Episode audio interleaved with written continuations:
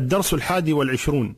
نبي الله إسماعيل ورسالته إلى العرب بقايا من دينه في مكة عند المشركين قبل الإسلام. الحمد لله رب العالمين والصلاة والسلام على المبعوث رحمة للعالمين سيدنا وإمامنا وحبيبنا ومولانا وقرة عيننا محمد بن عبد الله وعلى آله وصحابته أجمعين. أما بعد من هم أولاد إبراهيم؟ إبراهيم ذكروا أن له أولاد كثر أكثر من سبعة أولاد قيل ثمانية أولاد لإبراهيم صلوات الله وسلامه. والله أعلم. لكن المشهور إسحاق وإسماعيل هما ولدا إبراهيم. وإسحاق إن شاء الله تعالى يكون حديثنا عنه عندما نبدأ به وبولده يعقوب وبيوسف صلوات الله وسلامه عليهم أجمعين. وأما إسماعيل فقد ذكره الله تبارك وتعالى في كتابه العزيز. فقال سبحانه وتعالى واذكر في الكتاب إسماعيل إنه كان صادق الوعد وكان رسولا نبيا وكان يأمر أهله بالصلاة والزكاة وكان عند ربه مرضيا. هذا هو إسماعيل صلوات الله وسلامه عليه. إلى من أرسل؟ رسول. إنه كان رسولا نبيا. إلى من أرسل؟ المشهور أنه أرسل إلى العرب. إسماعيل أرسل إلى العرب. ولذلك ما جاء في الأخبار أن العرب لما بعث فيهم النبي صلى الله عليه وسلم لأن إسحاق أخا إسماعيل ذريته كلهم رسل إلى بني إسرائيل. وأما إسماعيل فهو إلى العرب. ولكن لما بعث النبي صلى الله عليه وآله وسلم إلى أهل مكة جاءهم وعندهم شيء من ملة إسماعيل صلوات الله وسلامه عليه. عندهم حج يحجون يطوفون حول الكعبة يقفون في عرفة يقفون في مزدلفة. وإن كانت قريش لا تقف في عرفة ولكن غير قريش من العرب تقف في عرفة. يذهبون إلى منى. إذن عندهم حج عندهم طواف عندهم سعي. خلطوا هذا الحج بشركيات. فوضعوا عند المروة صنما وعند الصفا صنما. وضعوا داخل الكعبة أصناما وفوقها وحولها. وكانوا يطوفون في البيت يغنون يصفقون ويصفرون وما كان صلاتهم عند البيت إلا مكاء وتصديق. لكن أصل الحج موجود عندهم. يعرفون أن في حج في عرفات في مزدلفة في طواف في سعي يعرفون هذه الأشياء. إذا هم على دين إسماعيل صلوات الله وسلامه. ولذلك ذكر النبي صلى الله عليه وسلم أن أول من أتى بالأصنام إلى مكة هو عمرو بن لحي الخزاعي. لما كانت خزاعة تحكم مكة قبل قريش. لما كانت خزاعة في مكة قبل قريش هم الذين جاءوا بالأصنام. جاء بها عمرو بن لحي من جدة. أتى بها إلى مكة ثم عبدتها العرب بعد ذلك. ومما يدل على أنهم على دين إسماعيل أمور. منها أن النبي صلى الله عليه وسلم كان حنيفا كان يتعبد الله تبارك وتعالى في غار حراء كما هو مشهور ومعلوم. يتعبد على ماذا؟ على ملة إبراهيم على دين إسماعيل صلوات الله وسلامه عليهما. لكن لا يعرف تفاصيل الشرع.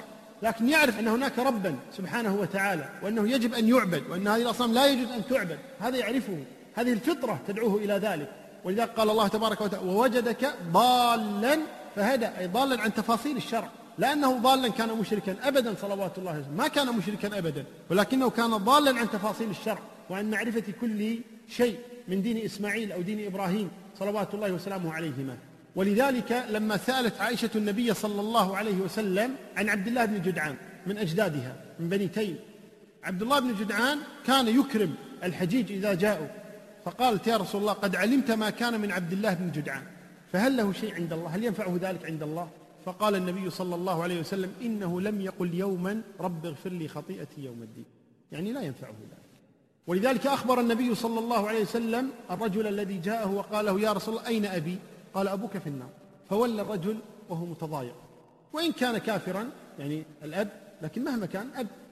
فولى وهو متضايق. فناداه النبي صلى الله عليه وسلم قال أبي وأبوك في النار. لا تحزن. أنا نبي الله وأبي في النار. لا تحزن. لا تحزن منها عند الله ما في واسطة. المؤمن في الجنة والكافر في النار. انتهى الأمر. عند الله جل وعلا. أبو إبراهيم آزر لما كفر في النار. ما عند الله واسطة سبحانه وتعالى. زوجة لوط لما كفرت في النار. ما عند الله واسطة. ابن نوح لما كفر في النار ما عند الله واسطة. سبحانه وتعالى. فناداه النبي قال أبي وأبوك في النار لا تحزن.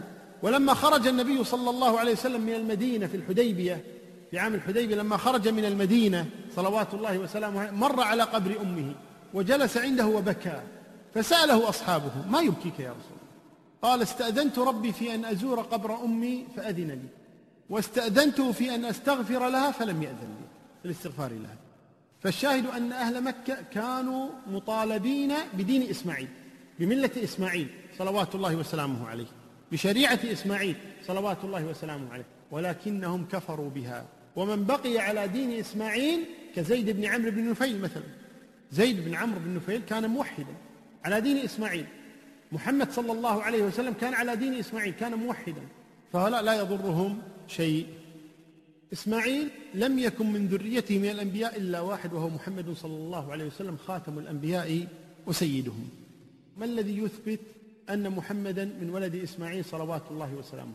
إخباره هو صلوات الله وسلامه عليه أنه من ولد إسماعيل. إن الله اصطفى قريشا على العرب واصطفى بني هاشم من قريش واصطفاني من بني هاشم فأنا خيار من خيار من خيار. صلوات الله وسلامه عليه. وسمى الله تبارك وتعالى إبراهيم أبا له فقال ملة أبيكم إبراهيم. وهذا باتفاق أن النبي صلى الله عليه وسلم من ذرية إسماعيل. والعرب كما هو معلوم قحطان وعدنان. عدنان باتفاق أهل العلم من ولد إسماعيل. ولكن الكلام في قحطان. هل هم من ولد إسماعيل أو ليسوا من ولد إسماعيل؟ يعني من العرب العاربة من قوم جرهم الذين تزوج منهم إسماعيل. هذا هو المشهور. أن قحطان ليسوا من ولد إسماعيل وإنما الذين من ولد إسماعيل هم عدنان الذين منهم النبي صلى الله عليه وآله وسلم. وجاء في الحديث أن النبي صلى الله عليه وسلم جاء إلى بني أسلم فقال لهم النبي صلى الله عليه وسلم أرموا بني فلان وأنا معكم فإن أباكم إسماعيل كان راميا. أرموا بني فلان وأنا معكم فإن أباكم إسماعيل كان راميا هم فريقان. ناس ترمي من هنا وناس ترمي من هنا يعني نوع من اللعب بينهم. فقال النبي صلى الله عليه وسلم تراموا فصف النبي مع فريق من الفريقين وقال ارموا بني فلان فإن أباكم إسماعيل كان راميا وأنا معكم. فصاروا يرمون الفريق الثاني ساكت ما يرمي شيئا. فقال لهم النبي ما لكم لا ترمون قال كيف نرمي وأنت معهم؟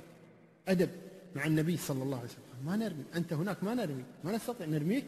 ما نستطيع. قال كيف نرمي وأنا معكم؟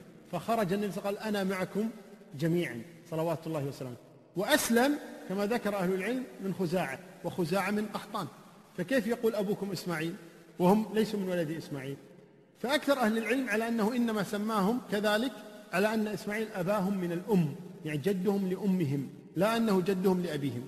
كما يقال عن أولاد فاطمة إنهم أبناء النبي صلى الله عليه وسلم الحسن والحسين وذريتهما رضي الله عنهم هؤلاء يقال أولاد النبي صلى الله عليه وسلم. هم ليسوا أولاد أولاد علي رضي الله عنه ولكن يقال أولاد النبي صلى الله عليه وسلم نسبة إلى أمهم فاطمة رضي الله عنها. طيب إسماعيل قلنا هو والد النبي صلى الله عليه وسلم.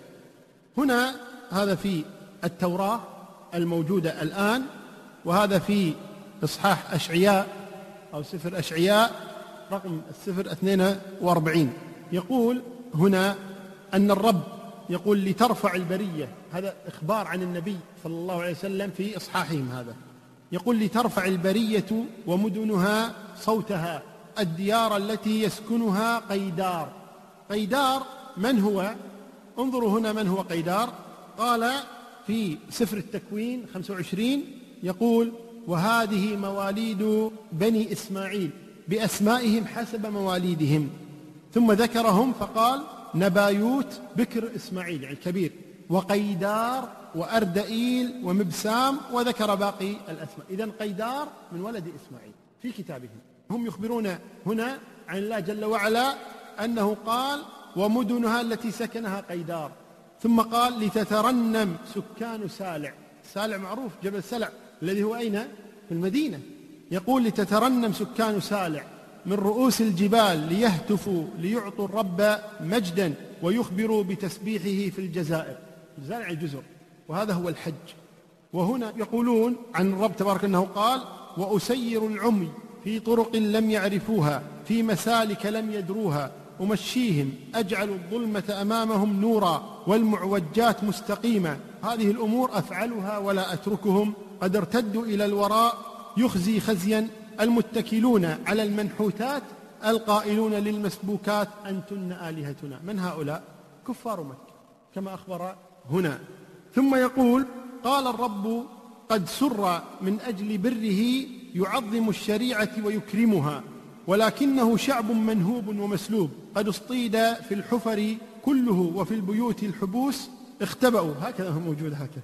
صاروا نهبا ولا منقذ وسلبا وليس من يقول رد. هذا حال العرب قبل الإسلام لما كانوا ضعفاء مفككين. إذا هذا هنا هم يقولون أن الرب يبشر برجل من ولد قيدار في سالع. هذه البشارة بالنبي محمد صلى الله عليه وسلم أنه لا يوجد من ولد قيدار من ولد إسماعيل إلا محمد صلى الله عليه وآله وسلم. وهذه بشارة النبي صلى الله عليه وسلم في كتبهم. والله أعلى وأعلم. وصلى الله وسلم وبارك على نبينا محمد.